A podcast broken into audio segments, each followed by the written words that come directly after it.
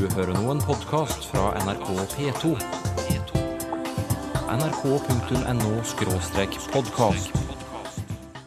Dæven, ass. Du skulle sett det, ass. Han dro den sinnssykt seige kickflipen. ikke sant?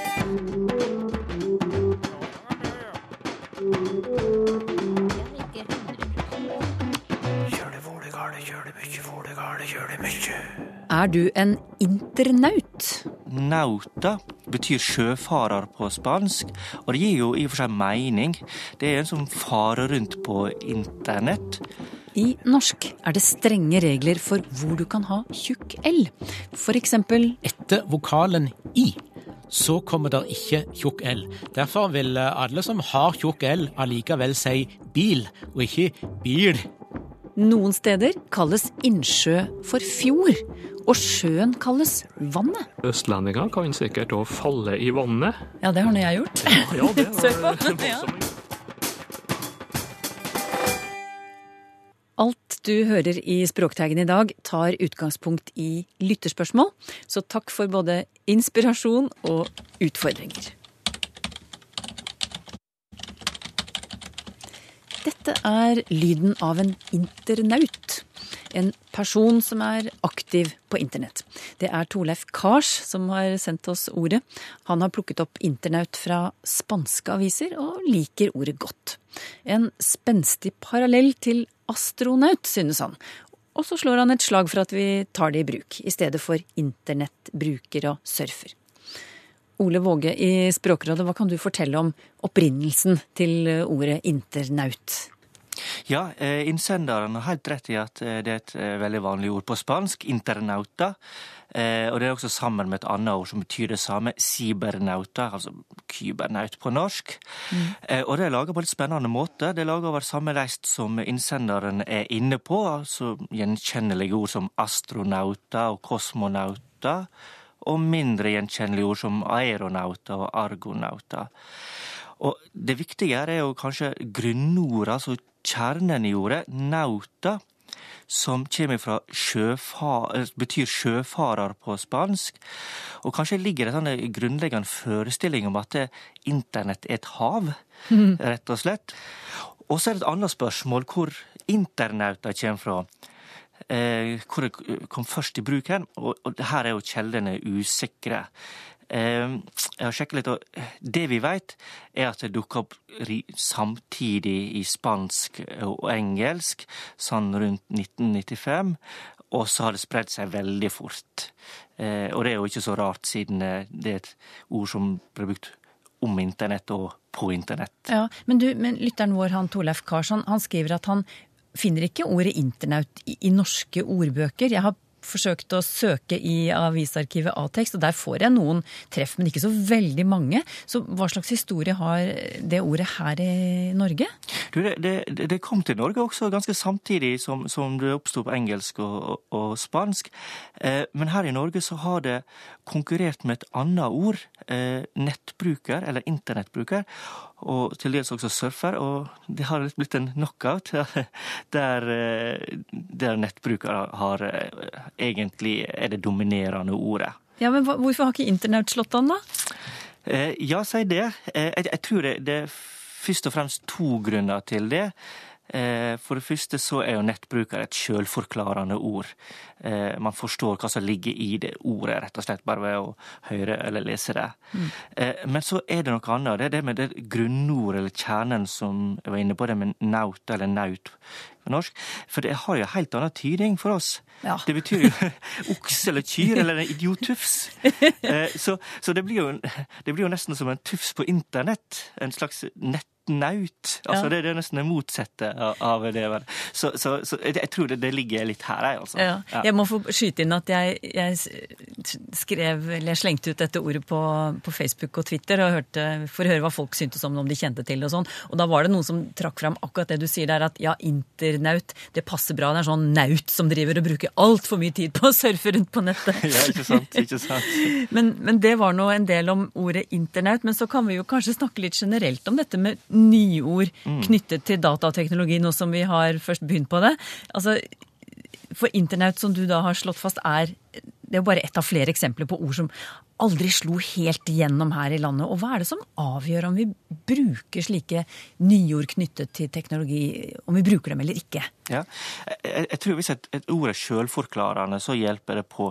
Men når det gjelder kanskje spesielt data, dataspråk, så jeg tror jeg det er to ting som, som, som er vesentlige. Og det, at, det ene er at det, korte ord slår lange ord, mm. rett og slett. Eh, for lenge siden, da vi fikk datamaskiner, så, eh, så var det to ord som konkurrerte om det vi da nå kaller for mus. Det var skjermpilot. Og skjermpilot er jo litt langt, kanskje. Eller det er i hvert fall lenger enn mus. Det er jo tre stavinger mot ei staving.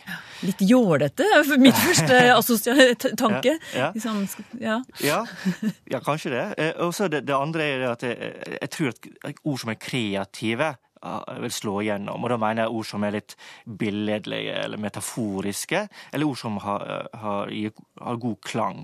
Mm. Og da har vi velkjente eksempel som nettbrett og minnepinne som eh, har rim. Så jeg, jeg tror sanne ord også har god sjanse for å slå igjennom. Ja.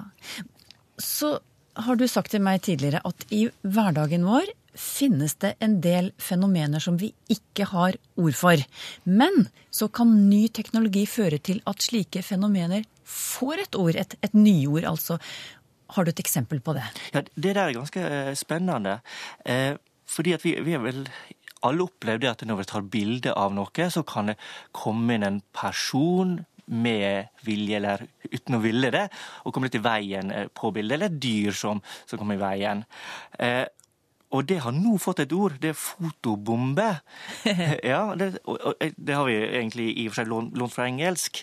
Eh, men jeg, jeg, tror at det har med at nå tar vi så ofte bilder med, med, med smarttelefonen vår. Vi sprer det langt oftere eh, bilder. Så, så da, dermed blir da eh, det behovet aktualisert. Vi, nå trenger vi et ord for det, selv om det, egentlig eh, det fenomenet har alltids eksistert. Ja. Men, men, fotobombe, vet du noe om hvor mye det er i bruk da her i landet? Ja, det, det, det er blitt, blitt, en del vanlig, altså. Det, I hvert fall på nettet så bruker mange, mange det. ja. ja. ja.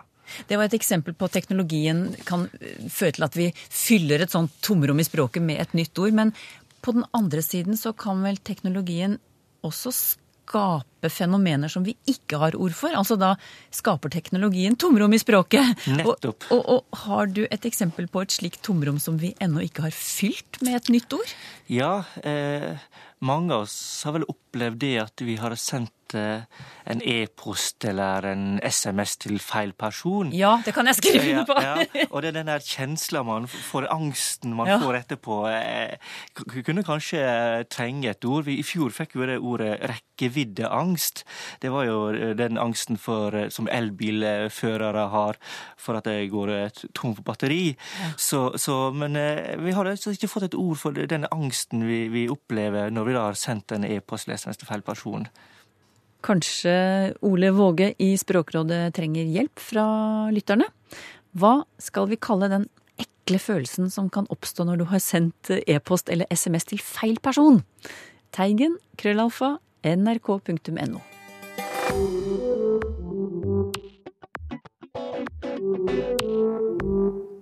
Du ser på det ordet jeg har skrevet ned her. Hvordan vil du eh, si det? Klasse. Klasse. Klasse? Klasse. Klasse. Klasse. Klasse. Som du hører kan det uttales eh, både med tjukk L og med tynn L. Men hører klasse hjemme på Østlandet? På Facebook forteller Magne Flemmen at han og en venn diskuterer akkurat dette. Eh, vennen mener tjukk L i ordet klasse ikke finnes i noen av østlandsdialektene. At det bare er raddiser som forsøker å snakke arbeiderklasseaktig, som sier klasse. Altså at østlendinger som ellers bruker tjukk L, ikke har det i ordet klasse. Kan Språkteigen dømme i denne uenigheten, spør Magne Flemmen. Og Derfor har jeg kalt inn deg, overdommer Kikador og språkforsker Jan Christian Hognestad. Hvem har rett av disse to? Ja, nå kan jo eh, lytterne som, eller de av lytterne som har tjukk L sjøl, tenke ville de ha uttalt klasse med tjukk L eller ikke. Og for å gi de litt eh, tenketid, så tenker jeg at jeg skal vente litt med dommen og kanskje gi noen domspremisser i mellomtida. Aha. Litt om fenomenet tjukk L først, eh, altså. Ja, eh, jeg syns at tjukk L forteller oss om en interessant del av grammatikken, nemlig det vi kan kalle regler på mikronivå eh, i språket. Fordi det dreier seg jo ikke bare om hvilke lyder en gitt dialekt har, men hvor disse lydene kan være, hvor de kan bo, og hvor de ikke kan bo. Og akkurat tjukk L har et veldig strengt regelverk rundt seg. Eh, Det er veldig strenge regler for når tjukk el kan dukke opp, og når han ikke kan dukke opp. Så strenge regler faktisk at vi greier ikke å gjøre rede for dem i et kort programinnslag sånn som dette her. Nei, men, men kan du ikke gi et par eksempler ja, på hvor tjukk el ikke får lov til å være? Jo, det kan jeg gjøre. Eh, For det første så vil en norsk dialekt ikke ha tjukk el i begynnelsen av et ord eller en staving. For eksempel i lese. Eh, Det vil aldri hete lese på norsk. Og så er det en litt rarere sak, nemlig at etter vokalen i så kommer det ikke tjukk L. Derfor vil eh, alle som har tjukk L, allikevel si bil, og ikke bil. Ja, Men hva skyldes det egentlig? Ja, jeg, jeg tror nesten det at du skjønner, du skjønner tjukk L, og det kan alle eh, merke i munnen sin hvis de prøver å lage den, både de som har den i dialekten og sånne som meg som bare parodierer den så godt jeg kan. Eh, det er en litt sånn vilter lyd. Du skal gjøre ting med tunga som krever litt plass. Og når du da har en i som nærmeste nabo, så er tunga så langt og så høyt oppe i munnen at det rett og slett ikke blir spillerom nok for en tjukk L. Eh, han har ikke noe der å gjøre, rett og slett. Nei, nei det, høres, det er egentlig ikke så vanskelig å forstå akkurat den biten. Da. Men ellers så sier du at det er både kompliserte og, og strenge regler knyttet til tjukk L. Men da vil jeg gjerne høre hva loven sier. Hører tjukk L hjemme i ordet klasse på Østlandet? Her tror jeg først jeg må gi lytterne kompliment for spørsmålet. Det er faktisk et veldig godt spørsmål. Ja. Eh, og det enkle svaret er at etter regelverket så skulle ordet klasse ha tjukk L. Eh, For det er absolutt eh, et ord der omgivelsene til denne L-en er sånn at den skulle kunne være tjukk. Men går vi til faglitteraturen, så vil vi se at de nettopp bruker ord som klasse som unntaksord, eh, der det er sånn at noen dialekter har tjukk L i det, og andre dialekter har det ikke. Det tror jeg du må forklare nærmere. Ja, du vet, tjukk L, det er en lyd som vi ikke alltid har hatt i Norge. Den har eh, dukka opp på et eller annet tidspunkt. Vi vet ikke helt når, men la oss bare tenke oss at på et eller annet tidspunkt i historien så ble tjukk L utvikla i eh, østnorske dialekter. Ja. Og så er jo det store spørsmålet hva har skjedd med ord som er så unge at de har kommet inn i norsk, eh, eller blitt laga i norsk, etter at eh, denne tjukk L-perioden var der. Får de òg tjukk L, eller unngår de på en måte å utvikle tjukk L? Og klasse kan tenkes å være et sånt ord, og da er det i grunnen to muligheter, eh, nemlig at klasse òg kan få tjukk L etter mønster av alle de andre ordene som ligner på klasse, og da blir det klasse. Mm. eller vi kan si nei, det ordet er så ungt eh, at det har unngått eh, det store tjukk L-raset, og derfor ble stående uten tjukk L. Og det tror jeg må være grunnen til at dette er litt forskjellig fra dialekt til dialekt. Å ja, at det er flere, flere ting som virker eh, parallelt, mener du? Ja, eh, den eh, mønstereffekten, det er jo sånn at eh, eh, ord utvikler seg og blir like andre ord. Når det er et hovedmønster, så har det hovedmønsteret en tendens til å dra andre ord med seg i dragsuget, så å si. Ikke sant? Vi får færre og færre sterke verb i Norge, og flere og flere svake verb. Og svake verb er der flest av. Og eh, sånn kan en tenke at eh, klasse i noen dialekter har fått tjukk L, fordi det passer etter hovedregelen at de skulle ha det, og det er så mange andre ord som ligner på klasse, som har tjukk L. Men så var det dette med østlandsdialektene, da, som eh, i utgangspunktet var lytterspørsmålet. Skal det være klasse eller klasse der? Nå er det på tide at du avsier eh, dommen, Jan Christian Hognestad. Det jeg har mest lyst til, det er å si at eh, nei, østlandske dialekter har ikke tjukk L i klasse.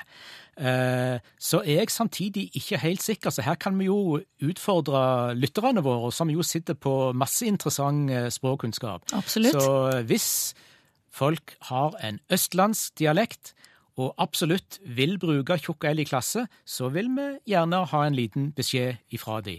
Men eh, stort sett så tror jeg at klasse er et sånt unntaksord i østlandske dialekter. Mm. Men disse 70-tallsraddisene som eventuelt sa klasse, da var de helt på jordet, de, eller? Nei, der lurer jeg på om det er noe som er litt interessant. fordi at For det første så husker jo jeg òg eh, de som hadde eh, tjukk L litt i overkant. Men jeg kan faktisk tenke meg eh, Og dette var jo folk som i utgangspunktet hadde tjukk L i eh, dialekten sin, og som eventuelt overforbrukte den litt. Men jeg har en mistanke om at de var korrekte etter regelverket. Altså, de brukte kanskje tjukk L noen plasser der eh, folk som kommer fra samme plassen, ikke ville bruke det, men jeg tror ikke de ville gå ut over det store regelverket, eh, for det ville de ha så intuitivt inni hodene sine at jeg tror de snakket etter regelboka, men bare inkluderte sånne ord som klasse i eh, tjukk L-verdenen, eh, som eh, da fikk tjukk L hos de, selv om de ellers i dialektområdet ikke hadde tjukk L. Da har språkforsker Jan Christian Hognestad avsagt dommen. Og Magne Flemmen, du som stilte spørsmålet, jeg har en følelse av at både du og kompisen din har litt rett hver. Er du enig? For å være sikker på at dere ikke blir uvenner, sender jeg et språkteigenkrus til hver av dere. Og det får også alle dere andre som bidrar i dagens sending.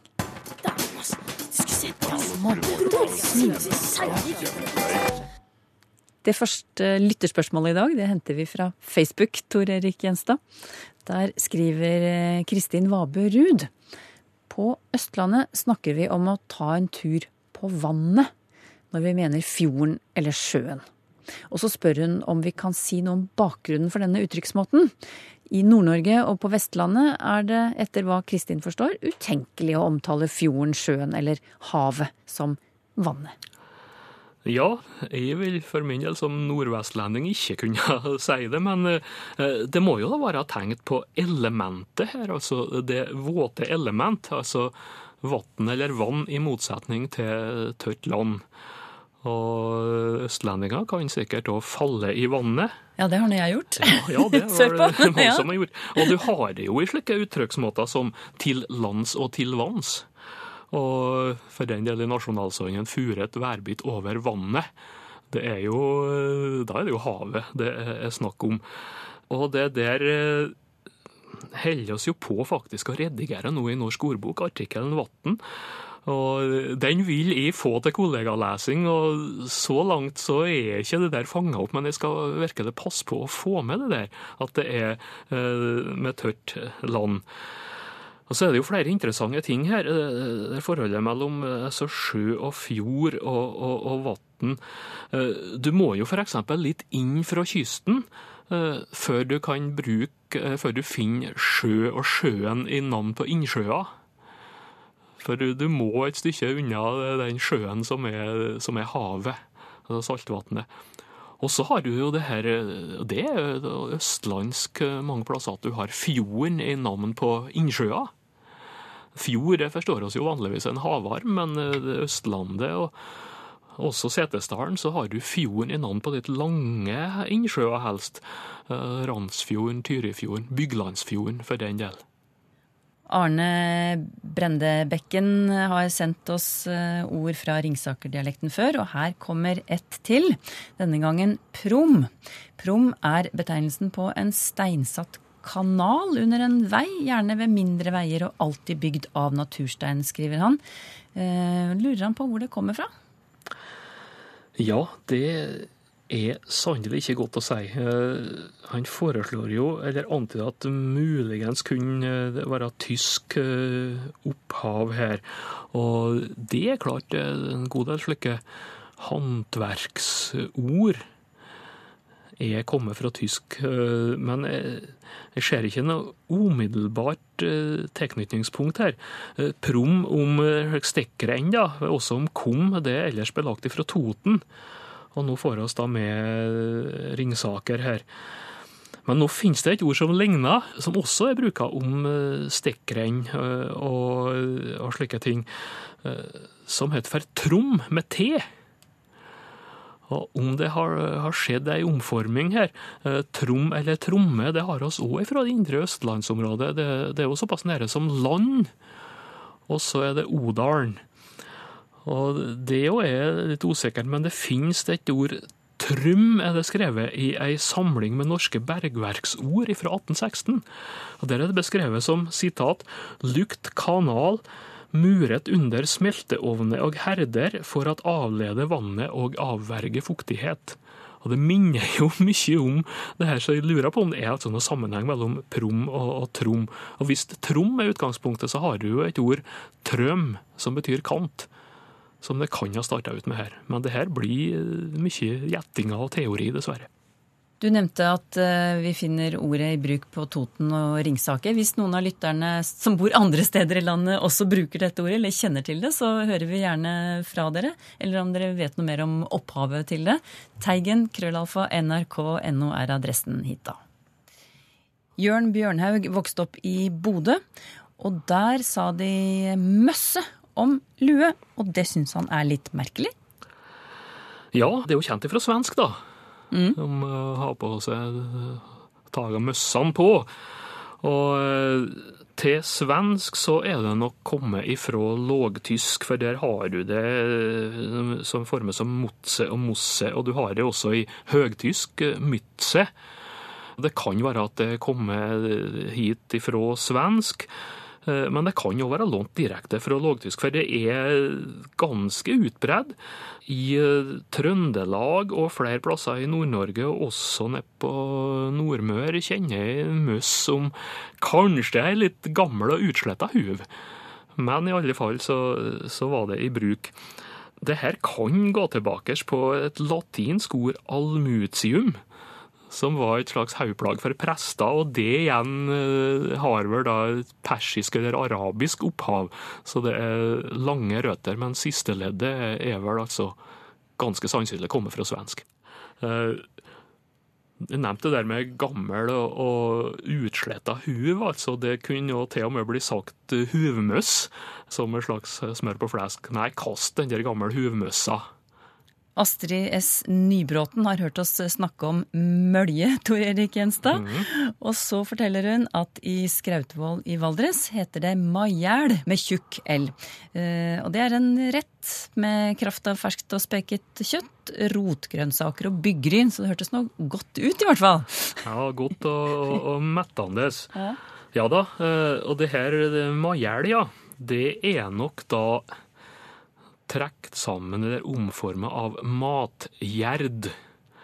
Og matgerd, det har du òg i, i, i norrønt. Og det betyr nok opprinnelig det å gjøre mat, eller det å lage mat. Altså matlaging, matstell, eh, matskikk. Og det, det er en betydning Ivar Aasen registrert, og som er, finnes en del plasser. Men mest vanlig er det jo om eh, en kjøttsuperett, slik som det er nevnt her. da. Og nettopp uttalen majæl har du annet i Valdres da, og, og Hallingdalen. Eh, Og ja, det tilsvarer vel det som en del plasser er kaller erter, kjøtt og flesk. Altså majæl eller majær. Meier. Mange uttalevarianter der. Da Ivar Dale var liten, pleide bestemoren på Dale i Hordaland å si, når han kom hjem fra lek, at han hadde skitnet til brokje. Og så fortsetter han i e-posten. Jeg skjønte jo at hun med brokje mente buksa, og regnet alltid med at det var typisk dalemål, for jeg hørte aldri ordet brukt noe annet sted på Vestlandet. Men så i voksen alder begynte han å studere russisk, og så traff eh, han på dette ordet igjen, i form av det russiske brjuki. Som betyr nettopp bukser. Og på toppen av det hele, i et butikkvindu i Amsterdam hvor de hadde salg på bukser, så sto det broek. B-r-o-e-k. Og han skjønner jo da at dette er et internasjonalt ord, kanskje. Men hvordan har det funnet veien til så vidt forskjellige steder som Dale og Sankt Petersburg. Og jeg kan bare hekte på at Erling Andersen han har observert det samme, at broki og brok er eh, ligner på hverandre, og lurer også på om det er en forbindelse. Mm. Ja, brok det er jo gammelt eh, norsk ord da, for bukse. Og det har vært spredd vidt ikring. For min del så er jeg jo vokst opp med at det het brok, og det var jo helt vanlig på Nordmøre å ha på seg brokja.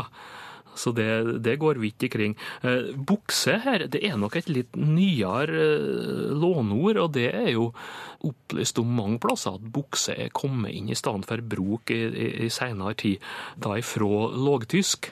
For det kommer jo ifra lågtysk bukkhåse som da har vært bukse eller av buksing, opprinnelig, men så har det da fått allmenn betydning.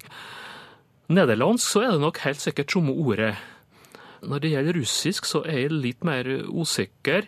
Den der stammen som vi har i bruk, den er egentlig bare knytta til germanske språk, og det er ikke kobla til russisk i etymologiske ordbøker, f.eks. Eh, Bjorvann og Lindemann eh, sin siste. Men det er slektninger i germanske språk, eh, som f.eks. engelsk 'breaches', som er knebukse eller knebrok. Jeg kan ta en liten historie om overgangen mellom brok og bukse. Det er en ganske dyster historie som blir fortalt ut på Hitra. Eh, der heter det nå i dag eh, buks, å ha på seg buksa. Men den er da fortalt som et bevis på at de sa brok eh, om bukse før. Ja, det var altså en eldre mann som var død, og ble lagt i kista. Og underbuksa hans var da lappa. Og så var det noen som syntes at det der var for gale. Mens andre mente at det var nå ikke så farlig med det. Så de delte seg liksom i to leirer, og da, da, var det noen fra den første leiren som spor om de syntes det var rett at han skulle møte sin skaper i lappa unnbrok. Den er jo ganske dryg, da. Det er brukt som bevis på at de sa brok på Hitra. Har du spørsmål til Språkteigen? Skriv til Teigen, krøllalfa nrk.no, eller til Språkteigen, NRK P2, 7005, Trondheim. Så finner du oss også på Twitter og på Facebook.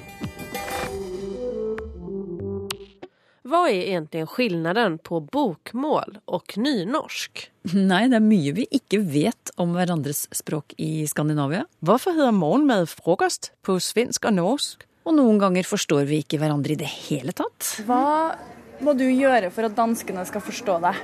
Jeg må eh, prate danske, for de forstår faktisk ikke når jeg prater svensk. Jeg må prate danske. Her så er det et kjempestort problem med å prate vanlig svensk. Hør to timer med Språkteigen Skandinavia spesial søndag 2. november klokken ni.